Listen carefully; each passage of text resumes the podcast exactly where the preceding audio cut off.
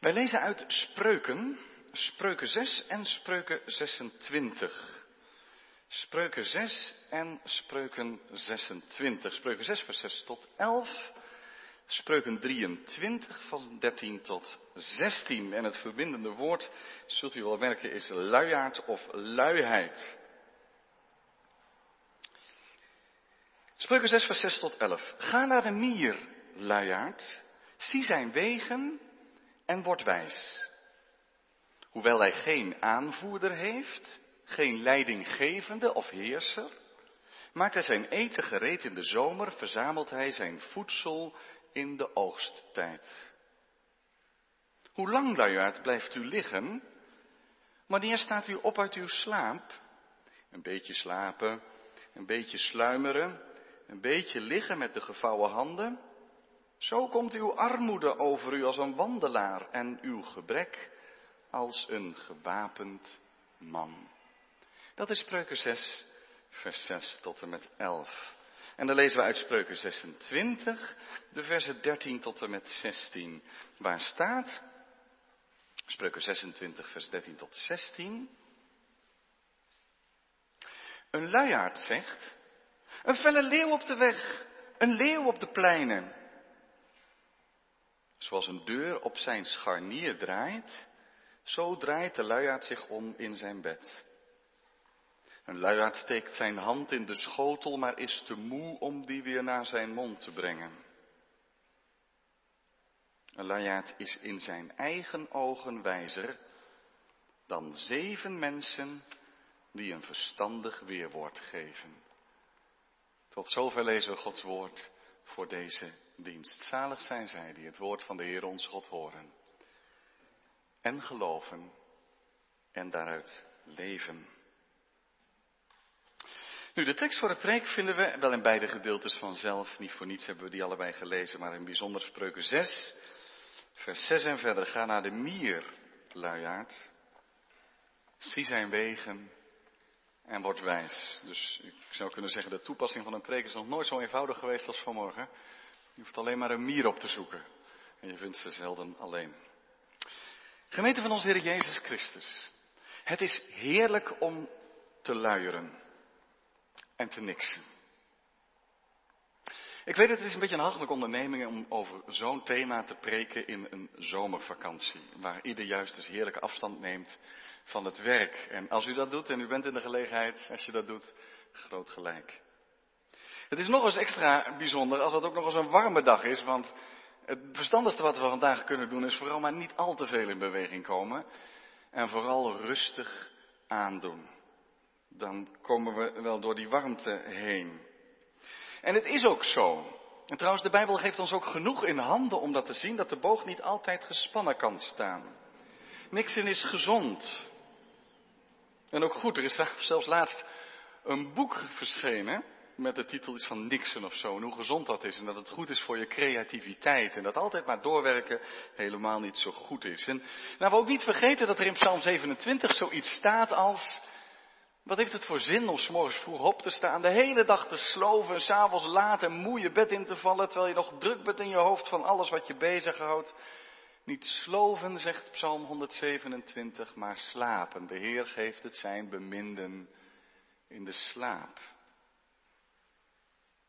En toch, toch is als je de Bijbel erop naleest, luiheid een zonde. Het is een van de zogenoemden zeven ondeugden of hoofdzonden, die al zo in de vroege kerk onder woorden werden gebracht met de gedachte, deze zeven hoofdzonden, die, die, die steken achter de zonde die je, die je maar zo kan doen op een dag. Daar zit vaak dit achter en dat zijn dan deze zeven. Hoogmoed en hebzucht onkuisheid, jaloezie, onmatigheid, woede en tenslotte luiheid, ook wel traagheid of gemakzucht genoemd.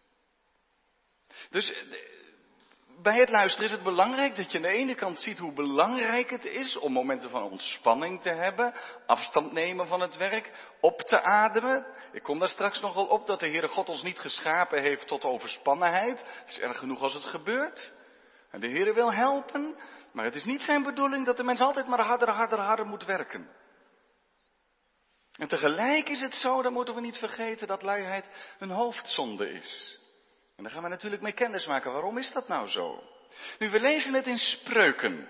Spreuken is het woord van God. Het hoort in de Bijbel thuis. De Heere spreekt daardoor. Maar wel op een bijzondere manier. Het Hebreeuwse woord voor spreuken is mashaal. De Heer Jezus gebruikt dat ook vaak om heel prikkelende dingen te zeggen. Ware dingen. Die je niet altijd direct letterlijk kan toepassen. Maar die wel waar zijn en belangrijk zijn. En het doel van al die spreuken, u kent ook wel de kracht van spreuken, er zijn heel wat mensen, als ik thuis kom, dan zie je ergens een tegeltjeswijsheid op een, een bordje staan, iets waar je vaak aan herinnerd wil worden. Nou, dat soort spreuken kunnen ons helpen, maar de spreuken in de Bijbel hebben als doel dat we echt wijs worden, dat we inzicht ontvangen, omdat we leven in een wereld die niet wij bedacht hebben, maar een wereld van God. En spreuken leren ons over de hele linie van het spreukenboek. Spreuken leren ons om goed te leven volgens de orde de instellingen die de Heere God heeft gegeven. Niet wij moeten bepalen hoe je het beste leeft, daar krijg je brokken van. En je ziet in spreuk ook heel vaak dat als je de Heere dient, dat daar zegen aan verbonden is. En als je van de Heere afwijkt, dat daar ook ellende van komt. En dat is bij luiheid al wel helemaal het geval. Kijk maar naar de laatste tekst van onze schriftlezing in Spreuken 6. Zo komt armoede over u als een wandelaar en uw gebrek als een gewapend man. Luiheid wordt uiteindelijk betaald met armoede. Nu, we gaan erbij stilstaan, de zonde van luiheid. Maar wel nog één ding vooraf. Wonderlijke realiteit is dat ijverige mensen zich deze preek sneller zullen aantrekken dan luie mensen. Zo werkt dat. En dat wou ik maar even zeggen van tevoren. Want luie mensen, spreuken 26 vers 16, zijn hun hun eigen ogen wijzer dan zeven mensen die een verstandig weerwoord geven de laatste tekst die we gelezen hebben, tweede schriftlezing. Nou, je mensen kunnen te lui zijn om zelfs maar na te denken of de preek ook over hen gaat. Ze zitten liefst hun tijd uit. Dus pas op bij het luisteren. Als u op dit moment meer in de fase van het leven zit, ik moet wat meer afstand nemen. Ik moet wat meer prioriteiten stellen, want ik eh, kan bijna geen adem halen. Het water staat tot aan de lippen, ik ben te druk. Dan wordt u niet vermaand in deze preek. Misschien is dat wel heel goed om te doen. We hebben een zekere rust nodig. Een overweging om de dingen met aandacht en met vreugde te doen. tegelijk kennen we de, lui, de verleiding tot luiheid, denk ik, allemaal. En het medicijn zullen we straks zien, is niet de zweep erover. Dat je zegt, nou, ik trek mijn sokken nog wat hoger op en we gaan er nog maar eens wat steviger tegenaan. Maar het antwoord daarop is het evangelie van de Heer Jezus Christus zelf. Wat is het tegenovergestelde van luiheid? Ik zou direct de neiging hebben om te zeggen ijver of zo, of inzet. Als je goed naar de Bijbel kijkt, zie je dat het tegenover van luiheid toewijding is. Liefdevolle toewijding. In rust, vanuit genade. Maar dan toewijding. Luiheid volgens spreuken betekent dat je traag bent. Je komt niet graag in actie. Je wil niet. Je hebt geen zin. En je zegt, ik heb geen energie. En natuurlijk heb je gelijk. Je komt er niet toe. Je zit duimen te draaien terwijl je een taak hebt. Luiheid is dat je een taak ziet en als eerste denkt, maar er zijn ook anderen. Het kan ook zijn dat jij heel echt duidelijk zelf een taak hebt, waarvan je weet, ik moet hem doen, maar luiheid kan uitstellen, uitstellen, uitstellen, terwijl je weet, het is niet goed, het komt niet goed, maar je denkt en je zegt maar tegen jezelf, we zien wel, we zien wel, ik heb gewoon geen zin, we zien wel. Luiheid is volgens spreuken irritant voor anderen. Er staat veel meer over luiheid in spreuken dan wij gelezen hebben. In spreuken 10 bijvoorbeeld, vers 26. Zoals zure wijn voor de tanden. Nou, dat is niet fijn. Zure wijn voor de tanden. Of rook voor de ogen. Gaan eens bij een vuurkorf staan. Je krijgt rook in je ogen. Zo is de luiaard voor wie hem erop uitstuurt met een taak, zeg maar. Je vertrouwt een taak aan iemand toe en die doet het niet. Waarom niet? Ja, gewoon niet. Luiheid is destructief. Dat wil zeggen, het breekt jezelf in je leven af. Dat komt omdat het een zonde is. Want het past niet bij de goede orde die God heeft gegeven, die de schepper heeft gegeven. Het past ook niet bij de genade en liefde, daar kom ik straks op, in Jezus Christus, waarmee hij mensen zondaars verlost en brengt tot het eeuwige leven. Zonde vernietigt mensen. We gaan het vaker tegenkomen als we ook in de komende zondagen nog wel eens wat gaan bladeren in het spreukenboek. Zonde wil mensen vernietigen. De luiaard heeft zijn eigen ondergang op het oog. In spreuken 15 vers 19 staat de weg van een luiaard is als een doornhaag. Maar het pad van de oprechten is wel gebaand. Trouwens, even tussen twee haakjes, als je zo'n tekst leest. Het pad van een luiaard is als een doornhaag, een, een heg vol prikkels. Maar het pad van de oprecht is wel gebaand. Dan zie je dat niet het pad van de luiaard is een doornhaag gezegd wordt. En het pad van de ijverige, nee, het pad van de oprechte. Wat is het tegenovergestelde, zegt Spreuken? 15 vers 19 van een luiaard een oprechte. Want een luiaard volgens het spreukenboek is niet oprecht voor God. Hij staat niet in een open relatie met God. Want dan zeg je, heren, dat u wat ik, wat ik doen zal. Ik wil me juist inzetten voor de taken die u mij geeft. De oprechte tegenover de luiaard. En dat het, even terug naar dat punt, dat je jezelf hebt. Dan staat bijvoorbeeld in Spreuken 20 vers 4, want in de winter ploegt een luiaard niet. En daarom zal hij bedelen in de oogst, waarmee gezegd is, juist op het moment dat je je taken moet waarnemen, laat de luiaard het liggen. Ja, en dan heb je jezelf uiteindelijk mee, want je bent een half jaar verder en de rest zit aan zijn oogst die hij heeft binnengehaald. Maar omdat die luiaard niet gewerkt heeft, heeft hij niets te eten. En zelfs in dat laatste gedeelte dat we lazen, staat het eigenlijk heel humorvol. Hè? Een luiaard is iemand die zo zonder energie aan tafel zit, die heeft zijn bord nog voor zich staan, maar heeft niet meer, niet meer de energie om de vork naar zijn mond te brengen. Luiheid. En het wordt ook een gewoonte. Het kan een gewoonte worden. Kijk maar in vers 9 en 10 van ons gedeelte. Altijd maar sluimeren, slapen, een beetje op je rug liggen met je handen op je buik. En spreuken 26 zegt het dan heel vrij, zoals een deur op zijn scharnier draait, daar is die voor. Zo draait een luiaard zich om in bed. Hij kan ook weinig anders meer dan dat. Een luiaard is heel creatief in het bedenken van uitvluchten. En ik denk dat we dat allemaal wel herkennen, want zoals ik net luiaard heb, eh, een luiaard of lui zijn heb getypeerd, zeg ja, zulke luiaarden die ken ik niet. Dat, dat, zo extreem. Maar het wordt zo extreem gezegd, zodat wij ook in het klein erover na gaan denken. We herkennen toch allemaal dat je een taak hebt waar je tegenop ziet en dat je, de een doet dat veel meer, ik zal het meer dan een u misschien, maar dat je de neiging hebt uit te stellen. Afleiding te zoeken, eromheen te gaan. Je hebt de moed er niet voor. Je gaat vermijden. Vermijdingsgedrag noemen we dat. Je kunt de moed niet vinden om je ertoe te zetten, terwijl je weet als je eenmaal maar begonnen bent, dan gaat het ook wel weer. Misschien begrijpt u die tekst niet op het eerste gezicht, maar in Spreuken 22 en ook in 26 wat we gelezen hebben, het staat er twee keer, daar zegt de luiaard, er is een leeuw op de straat, er is een leeuw op de pleinen. Nou, die leeuw is er helemaal niet, maar hij zegt eigenlijk, ik ben veel te bang, stel voor dat ik de deur uit moet en ik moet ergens naartoe en dan, dan, kom ik een leeuw tegen. Een luiaard ziet leeuwen en beren. Je staat voor een taak en je zegt, nee die opleiding kan ik nooit, ik begin er niet aan. Of die taak, ik, ik loop er maar omheen, want het zal vast niet lukken. En zo kunnen we allerlei dingen bedenken, misschien op een hele creatieve manier om eronder uit te gaan. Er zijn mensen die kunnen het beter en al dat soort dingen. En die luiaard zegt, nou ik blijf maar thuis hoor, ik ga niet werken, want wie weet kom ik een leeuw tegen. De een begint moeilijk aan een taak, de ander begint heel makkelijk, maar maakt het niet af. Luiheid ligt dichter bij ons dan we misschien denken. En ga naar de mieren, zegt hoofdstuk 6 dan. Ga naar de mieren. Ongelooflijk wat je dan ziet. Ik ben er ook niet altijd blij mee hoor, met die mieren, maar ik heb wel heel veel bijbels onderwijs in mijn tuin, kan ik u verzekeren. Ongelooflijk wat je ziet. Als zo'n nest ingericht wordt, ieder een eigen taak, allemaal actief. En vers 7 van Spreuken 6 zegt, er is geen aanvoerder of leidinggevende of heerser. Er is niemand die zegt dit moet je doen of dat moet je doen. Ook de koningin van de mieren niet. Ze weten instinctief allemaal wat ze moeten doen. Er is niemand die dwingt en ze doen het allemaal. Niemand niet. Ongelooflijk hè? Ijverig en dienstbaar. Ze doen het ook samen. In sterke verbondenheid aan elkaar zou je zeggen. En ze doen het met een vooruitziende blik. Niet alle mieren hoor. Maar er zijn soorten, ik er zijn er 12.000. En de mier waarop het hier gaat, die verzamelt in de zomer voedsel voor de winter. Graankorrels in onderaardse gangen. Een vooruitziende blik. Een instinct, onverklaarbaar. Bijzonder geschapen.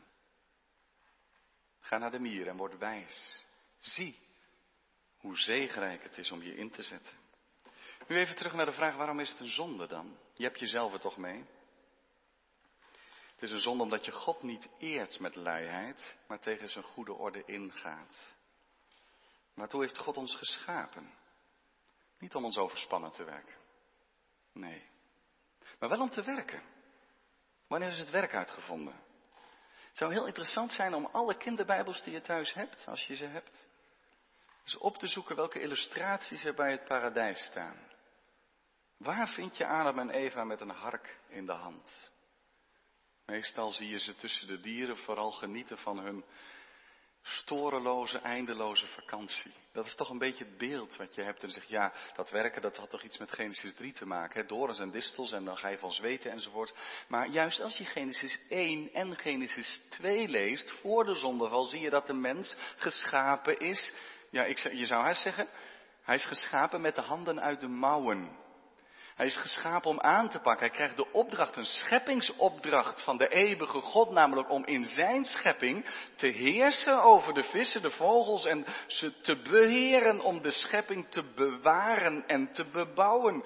Daar heeft de mens de handen vol aan. De mens is niet geschapen om achterover te leunen, maar om zich vreugdevol en dankbaar in te zetten in Gods schepping. God heeft de wereld niet zo geschapen dat je kan gaan zitten om te wachten totdat de gebraden kip je mond invliegt. Je zult je verantwoordelijkheid verantwoordelijkheid moeten nemen, moeten werken en je taken waarnemen. Geschapen met de handen uit de mouwen. En die opdrachten verandert natuurlijk heel veel bij de zondeval. En dat vervolgens daar de vloek over de aarde ligt. En dat het dorens en distels zijn. En dat het werk soms heel zwaar is. Of je, je kunt geen werk vinden. En en dan is het moeilijk, in het zweet van uw gezicht zul je je werk doen. Maar de opdracht blijft en het antwoord op pijn, moeite en de moeitevolle inzet is niet luiheid, maar het gebed. O God, geef me genade en krachten. De schepper geeft ons talenten en taken. Hier moet ik wel even halt houden. Want ik weet dat er mensen zijn zonder werk. En die heel graag willen werken. En helemaal niet lui zijn. Vat het dan ook alstublieft zo niet op. Die niet lui zijn, die heel graag willen werken. En druk zijn met het zoeken naar werk. Moeilijk is dat, we zullen daar ook voor bidden. Maar dan gaat het niet over luiheid. Luiheid is, nou, ik vind het wel prima zo. Een beetje geld van de overheid misschien. En ik heb geen zin om te werken. Kijk, dat is wat anders. Hoe is het met de luiheid in ons leven? Herkennen we het niet allemaal? We krijgen een taak van de schepper, maar ik wil op dit punt een stap verder zetten, want daar eindigt de Bijbel niet. De Bijbel vertelt ons van de zondeval en van de verlossing. God gaf zijn zoon om zijn werk te volbrengen. In Hebreeën staat dat de Heer Jezus Christus gehoorzaamheid geleerd heeft. En dat wil ook zeggen dat het werk wat hij te doen heeft, dat heeft hij niet zomaar even gedaan. Maar daar heeft hij tegenop gezien. Oh, we zien dat in Gethsemane op een hele diepe manier. Hoe hij er tegenop ziet om dat zware lijden te doen. Maar hij heeft ook de wet van God volbracht. Hij heeft God lief gehad met heel zijn hart, heel zijn ziel, heel zijn verstand en al zijn krachten. Dat heeft de Heer Jezus gedaan. Omdat wij het niet hebben gedaan en het nog niet doen.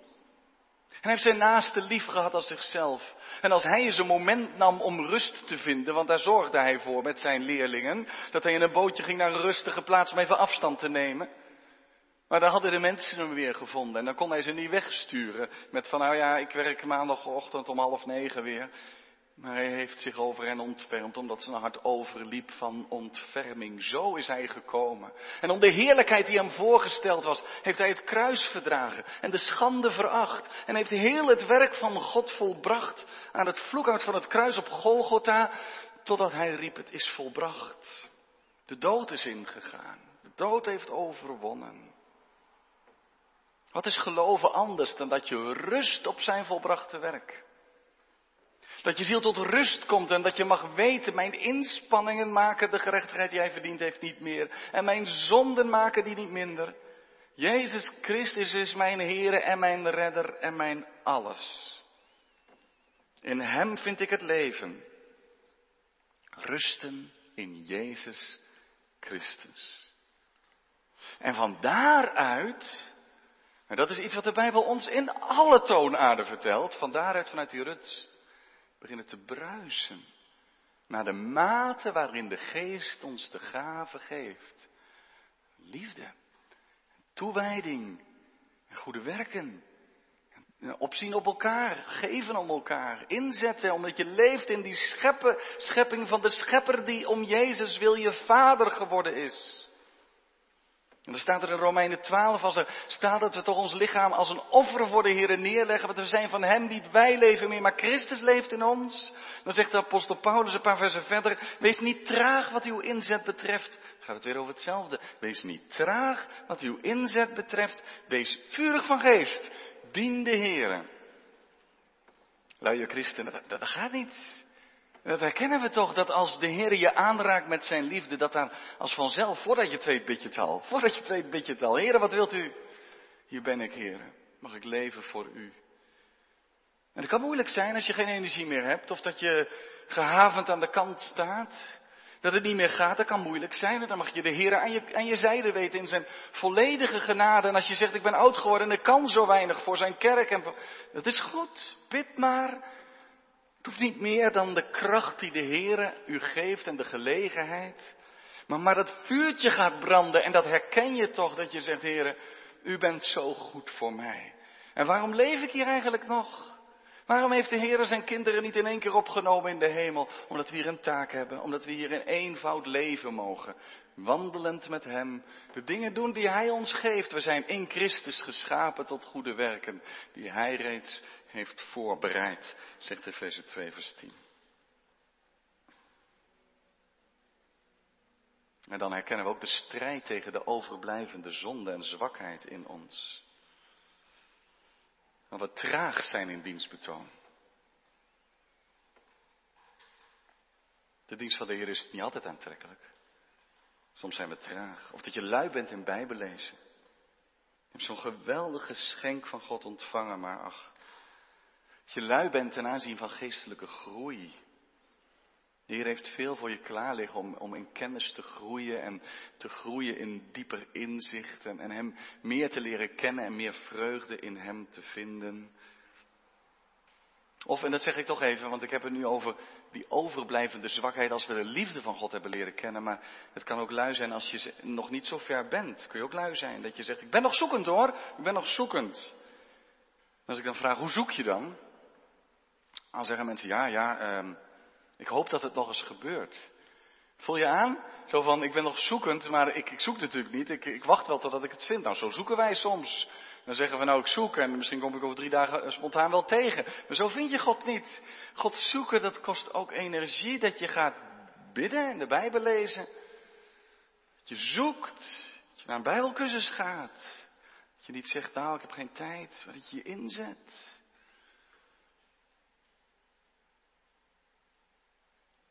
Luiende gebeden. Dat je traag van hart bent. Misschien zeg je wel vaak, oh God, bekeer mij er weer van. Luiende gemeente, je ziet taken of je ziet ze niet eens. Maar niet betrokken, je gaat naar de kerk als je er zin in hebt. We zijn creatief en zeggen tegen onszelf, ik ben heel bescheiden. Ik wacht af, kom niet in actie. Maar misschien is het wel luiheid.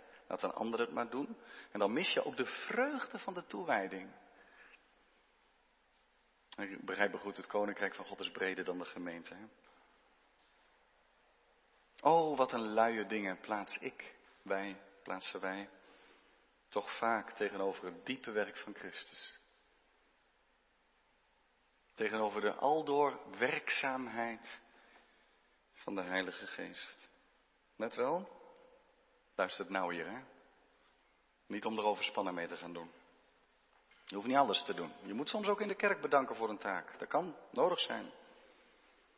Niet omdat je denkt, ik moet, ik moet. Maar je weegt het af met het gebed, Heere, geef me de toewijding en de liefde van U in mijn hart.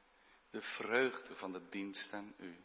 Ga eens mieren zoeken vandaag, zegt de spreukendichter tegen ons. Ga eens mieren zoeken vandaag, je vindt ze hier net naast de kerk. Ze verzamelen voor de winter. Ze zijn er klaar voor als er geen voedsel meer te vinden is. Zo zei iemand bij deze tekst.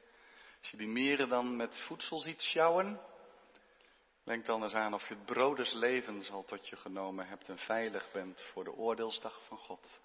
Dat je weten mag, Jezus is mijn redder. Hem verwacht ik. En nu mag ik leven met Hem. Zoek eerst het koninkrijk van God. En al die dingen waar wij zo druk mee kunnen zijn, die zullen u toegeworpen worden. Leef maar van Zijn genade.